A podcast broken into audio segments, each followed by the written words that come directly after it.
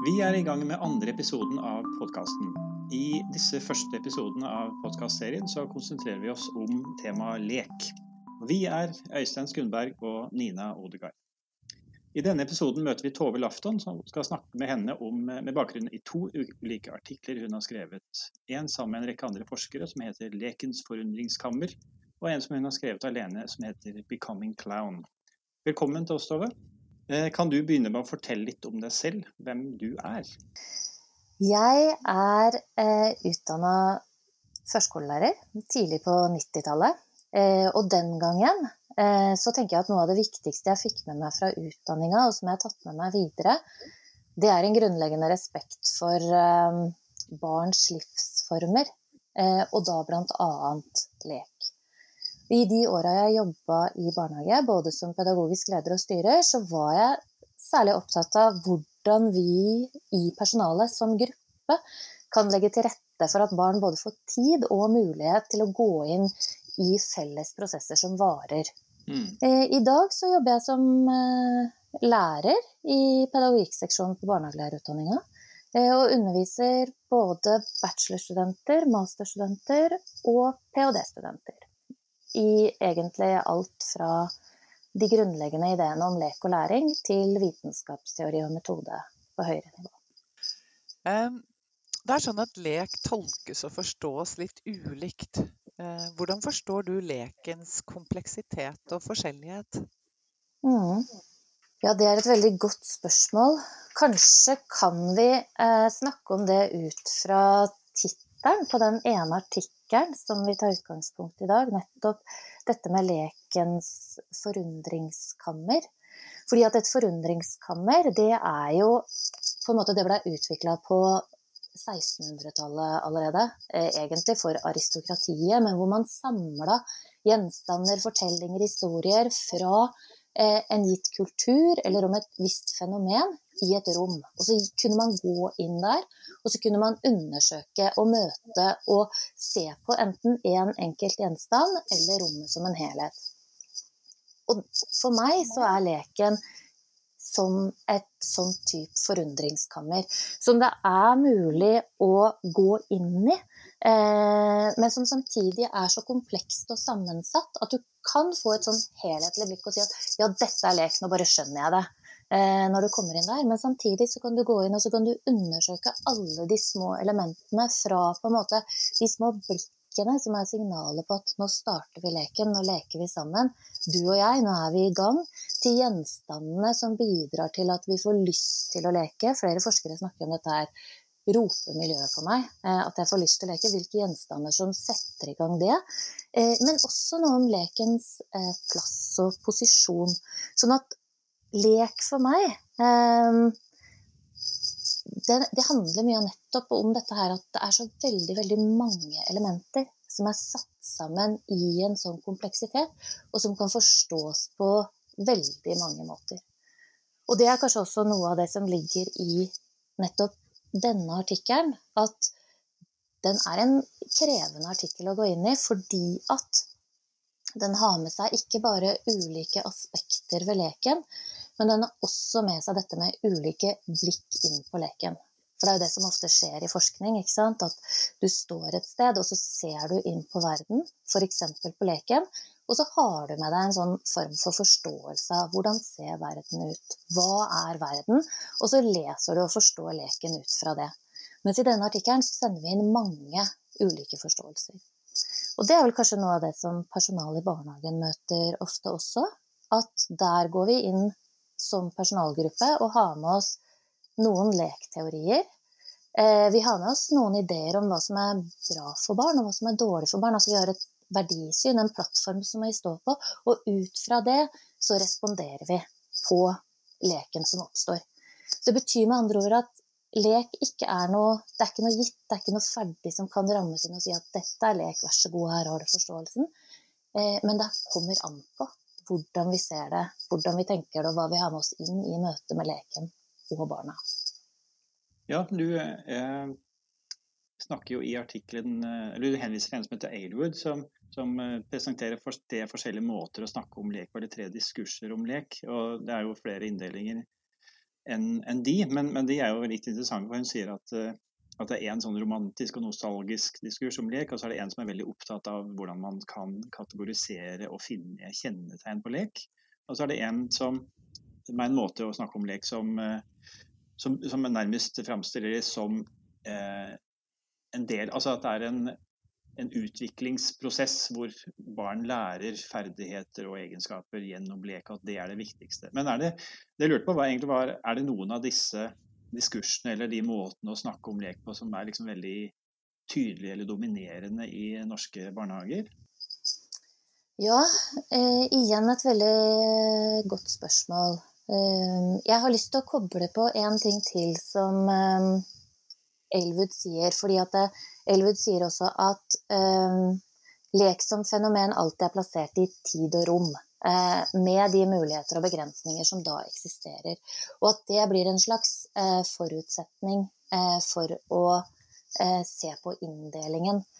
Og når vi snakker om det sånn, så tenker jeg at noe av det som gjør at leken har vært litt pressa i norske barnehager i de siste årene, det handler jo veldig mye om denne diskusjonen som går på leken som utvikling. Hvordan framstiller vi lek? Kanskje mye fordi at eh, barnehagen har hatt en jobb med å posisjonere seg som en samfunnsinstitusjon. Eh, og at eh, barnehagen har hatt en jobb med å si noe om hva er det som skjer i barnehagen eh, mellom barn. Og er det på en måte nok å si ja, nei, vi leker? Eller handler det om at den leken skal kobles til læring? Og i politiske prosesser så eh, har det jo bl.a. vært eh, eh, flere ganger at fagfolk har uttalt dette her med at det, det blir eh, pusha. Kanskje er den stortingsmeldingen Lek og læring i 2016 et godt eksempel, hvor det virkelig ble skrevet fram eh, læringsutbytte som kommer fra leken. At det mm. handler ikke om bare lek, men det handler om hva lek produserer som et utkomme. Men der tenker jeg at barnehagefolk viste seg fram. Der viste barnehagefolk seg fram og tok til orde inn i en større politisk prosess og sa noe om at men lek må handle om noe mer. Lek kan ikke ha det forhåndsgitte utbyttet. Litt som Bista snakker om utdanning totalt sett. At eh, det ligger en risiko i å drive utdanning på alle nivåer. Fordi at vi kan pøse på med alt vi vil, men det som kommer ut i andre enden, det er ikke gitt. Og da kommer vi tilbake til disse um, diskursene som du snakka om. Nettopp dette her at det, vi skriver fram bl.a. den romantiske eller litt sånn nostalgiske ideen om lek. Den tanken tilbake til egen barndom. Eh, da vi lekte, vi var mye ute. Eh, hadde fant felles eh, ting å holde på med, og hvor leken var forholdsvis uforstyrra, uten innbrudd fra voksne, og også uten fra, nei, inngripen fra eh, teknologi eller andre ting, men hvor det var vi som var til stede i en gruppe. Kanskje ikke så målbart som i en sånn utviklingsdiskurs hvor vi kan sjekke ut hva som har blitt lært, men at det er en arena for å utforske og prøve ut hva innebærer det å være menneske? Hva innebærer det å være deltaker i et fellesskap? Hva innebærer det å møte andre som kanskje sårer meg, eh, eller som forsvinner for meg, eller ja, Og som vi har prøvd med de to eksemplene i artikkelen, å sette lys på to typer lek som oppstår veldig lett, men som kan defineres veldig ulikt av personalet i barnehagen eller forskere som ser inn på den. Den ene er jo en litt sånn typisk bråkelek, som vi kanskje kan plassere inn i en nostalgisk eh, idé om at man er mye ute, man roper, man skriker, man løper. Men samtidig så mangler noen av de kvalitetskjennetegnene som av og til blir trukket fram fordi at det er vanskelig å stå på utsida og se hva som produseres mellom deltakerne. Og det andre lille fortellingen som handler om noen barn som leker begravelse. Og de går så inn i leken at de leker den begravelsen med tårer og følelser når de skal begrave en venn. Så jeg tror vi kan se tydelige spor av denne nostalgien på det å få leke selv, men også at vi i de sporene så ser vi at hmm, alle er ikke nødvendigvis med på at det er rom for alt der. Ja, det er jo gjerne eh, voksne som, som står og en slags sånn definisjon av hva som er god og ikke god lek. Mm. Og at det, det, det, kan, det er liksom opp til deres normer eller rammer. Så den begravelsesleken, så kan det hende at noen sa at nei, dette er, dette er veldig trist. Og det, Mm, det, er, mm, det er jo at det ikke liksom er en fin lek. mm. Og da er vi tilbake på verdisynet, ikke sant. Og da er vi også tilbake på ideen om hva er et barn? Eh, hva har på en måte barn mulighet til å produsere i leken?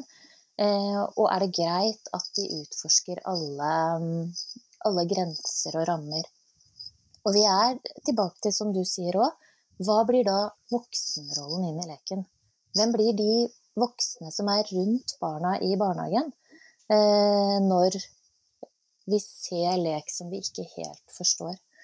Og jeg tenker at ikke i denne artikkelen, eh, men i en annen artikkel som jeg har skrevet riktignok på engelsk, som heter 'Becoming Clowns', der er det et annet eksempel som handler om toåringer og hvordan de produserer et leketema som de voksne ikke skjønner.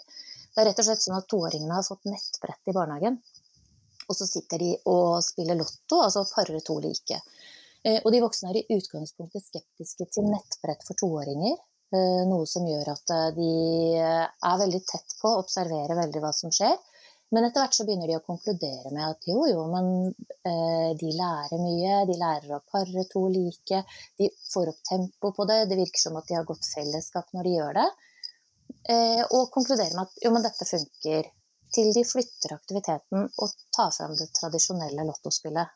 Og så legger de fram brikkene, og så får barna prøve.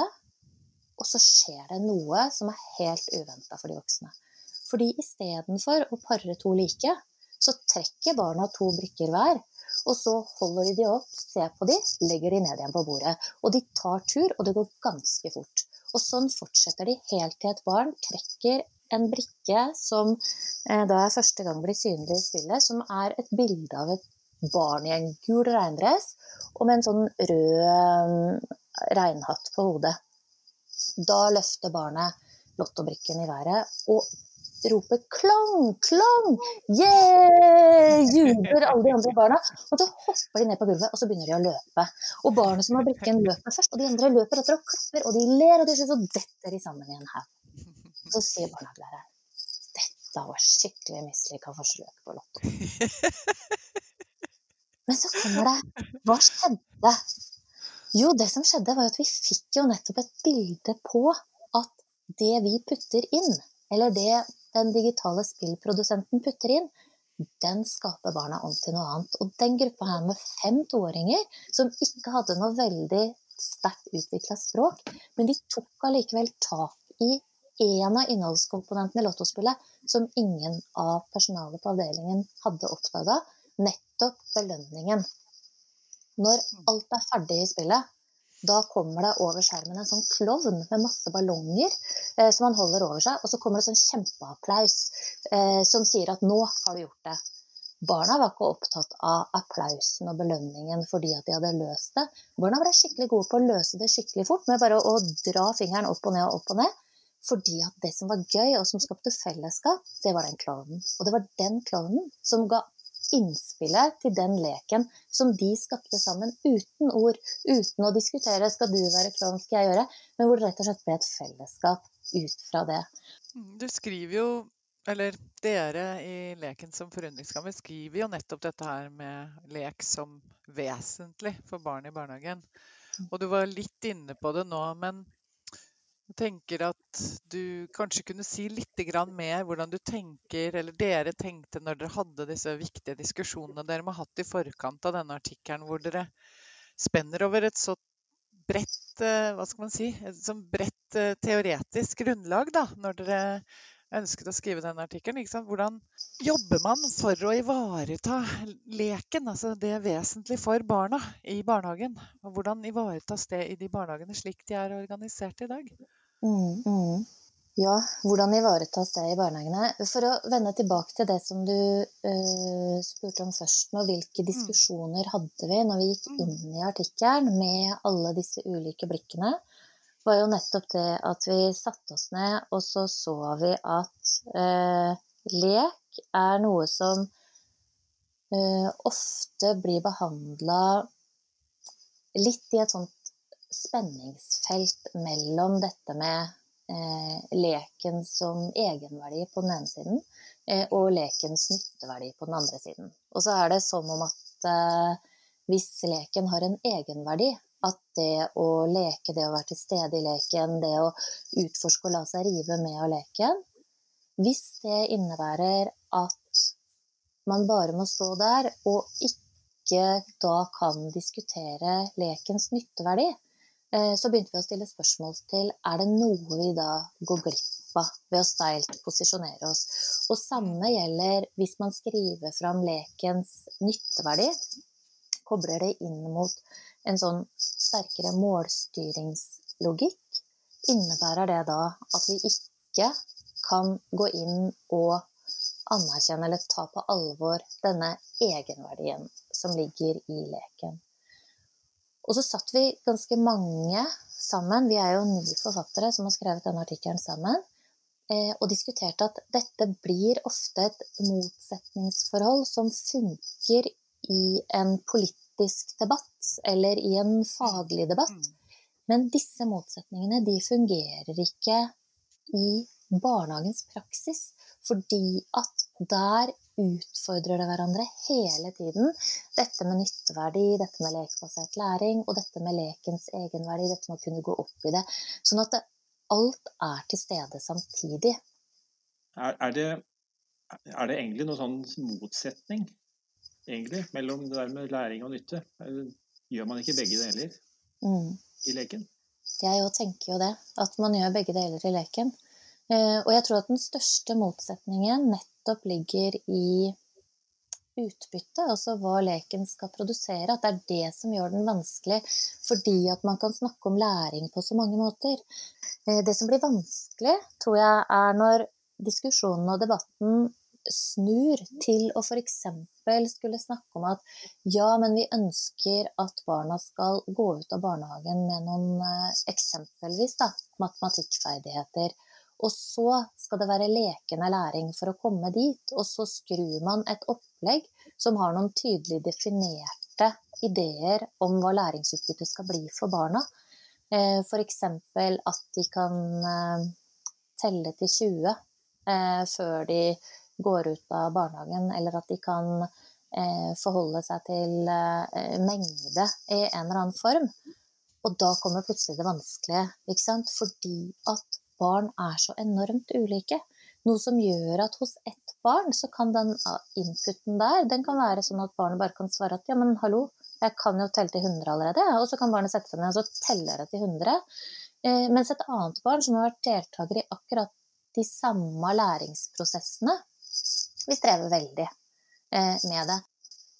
Eh, jeg tenker litt på dette med at din liksom, spesielle kompetanse, Tove. Du har vært litt inne på det i 'Becoming Clown'.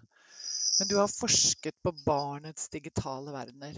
Og, mm. og hvordan kan lek For å hjelpe oss andre som kanskje ikke er fullt så digitale som deg, hvordan kan lek knyttes til barns digitale praksiser? Og, og hvordan kan vi forstå digitale aktiviteter som lek?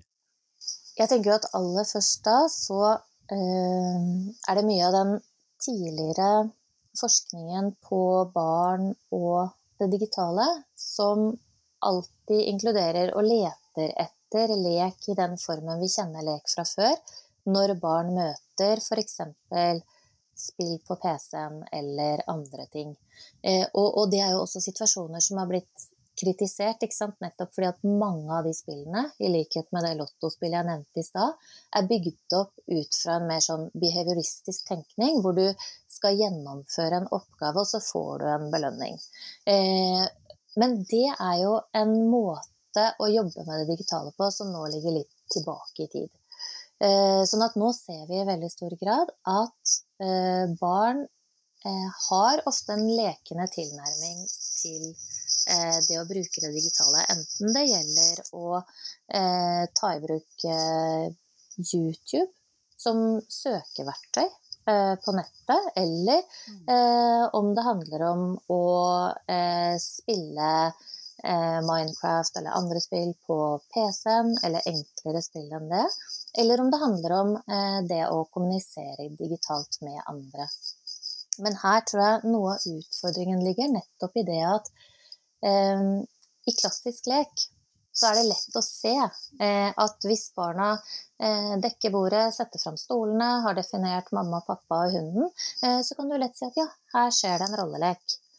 Mens i det digitale, når barnet samhandler med digitale enheter, så kan det fra utsida være vanskelig å vite om barnet har en lekende tilnærming til det, om det nå leker og utforsker, eller om barnet faktisk tar dette helt på alvor.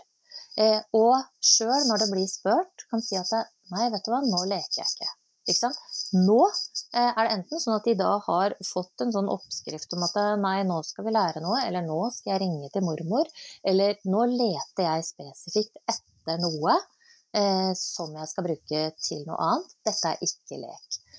Eh, og det har på en måte komplisert den forskningen. Men det som jeg har blitt mer og mer opptatt av, det er jo det der å se hvordan alle disse digitale møtene griper inn i barns lek. Fordi at den gjør det. Den utforsker Nei, den utvider barnas eh, lekerepertoar. Og så står vi plutselig utafor, og så skjønner vi ikke helt eh, hva som skjer.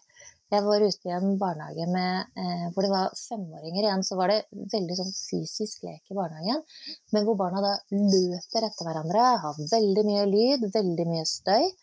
Sju eller åtte gutter. Og dette her er fire-fem år siden. Eh, men hvor de da plutselig stopper opp alle sammen fordi at den ene gutten tapper på håndleddet sitt. Og så teller de sammen opp til ti, og så har de plutselig en helt ny bevegelsesform. De beveger seg veldig sakte med store bevegelser, og de er helt tause. Det er ikke noe skrik, ingenting lenger. Um, og den voksne som da satt i rommet, slapp et litt sånn lettelsens sukk, fordi at det, det, var på en måte godt at støyen dempa seg. Men samtidig så blei vi jo opptatt av men hva var det som skjedde? Hva var det som gjorde at det endra seg? Og igjen så handler det om et sånt fellesskap. Eh, hvor det viste seg at dette var jo basert på medieinntrykk fra Ben Tenn. Eh, hvor Ben Tenn har en sånn klokke, så når han tapper på den, så for, forvandler han seg til et romvesen eller ja, et eller annet. Men dette var igjen da tatt opp i leketema. På samme måte som eh, når de yngste barna blir de klovnene, eller blir den jubelen eh, som er eh, på en måte belønningen. Sånn eh, avslutningsvis så har vi lyst til å sitere en setning fra artikkelen 'Lekens forøyningskammer', som vi syns var veldig fin og interessant. Du har jo sagt eh, noe om det med utfordringene med å generalisere lek, men eh, om du kunne bare forklare hva, hva som ligger i det, det sitatet her. Når leken først har begynt, er det ikke bare barnet som leker, men leken som leker barnet. På et vis så henger det sammen med altså For det første så er jo denne setningen, hvis noen er interessert i å lese enda mer akkurat om dette med hvordan eh, leken leker barnet, eh, så har jo både Kjetil Steinsholt og Maria Øksnes har jobba mye med det karnivalske ved leken. Eh, men det handler jo veldig mye om det samme som skjer med oss når vi deltar i prosesser som får oss til å glemme tid og rom og sted rundt, og også kanskje glemme litt eh, det målet som vi har satt oss for en aktivitet, fordi at vi inngår i et fellesskap hvor ideer utveksles, hvor vi flytter oss sammen, hvor vi tenker nye tanker, hvor vi eh, sammen skaper noe nytt ut fra det som vi alle tar med oss inn, og som blir til noe mer enn det som skal være utbytte, eller som vi skal levere fra oss i et møtenotat eller eh, i en årsplan i barnehagen eller et eller annet eh, annet. Men nettopp det at prosessene tar oss med. Og noe av det samme skjer i leken. Nettopp dette her at når leken kommer i gang, så blir leken på en måte en Den virker inn på samme måte som alle barna virker inn hver for seg. Så blir hele totalen av leken bidrar til at barna kan dra seg videre. Tove, jeg har lyst til å takke for at du eh, valgte å bruke av din tid til å komme og snakke med oss om to artikler som, eh, hvor den ene du har skrevet helt selv, og den andre du har vært involvert i, om lek. Eh, vi setter kjempestor pris på at eh, du ville være med oss på dette. Tusen takk. Og tusen takk fra meg også for at jeg fikk komme, og for at jeg fikk snakke om lek som er et enormt viktig tema, og som jeg tenker at det også er utrolig viktig at vi eh, holder på en måte både kunnskapsnivået eh, oppe i barnehagene, men også diskusjonen. Og at vi gir rom for de ulike lekdiskusjonene i eh, miljøer som enten er barnehager eller barnehagelærerutdanninger, eller andre miljøer som virker inn på hvordan Eh, barns liv før skolestart er.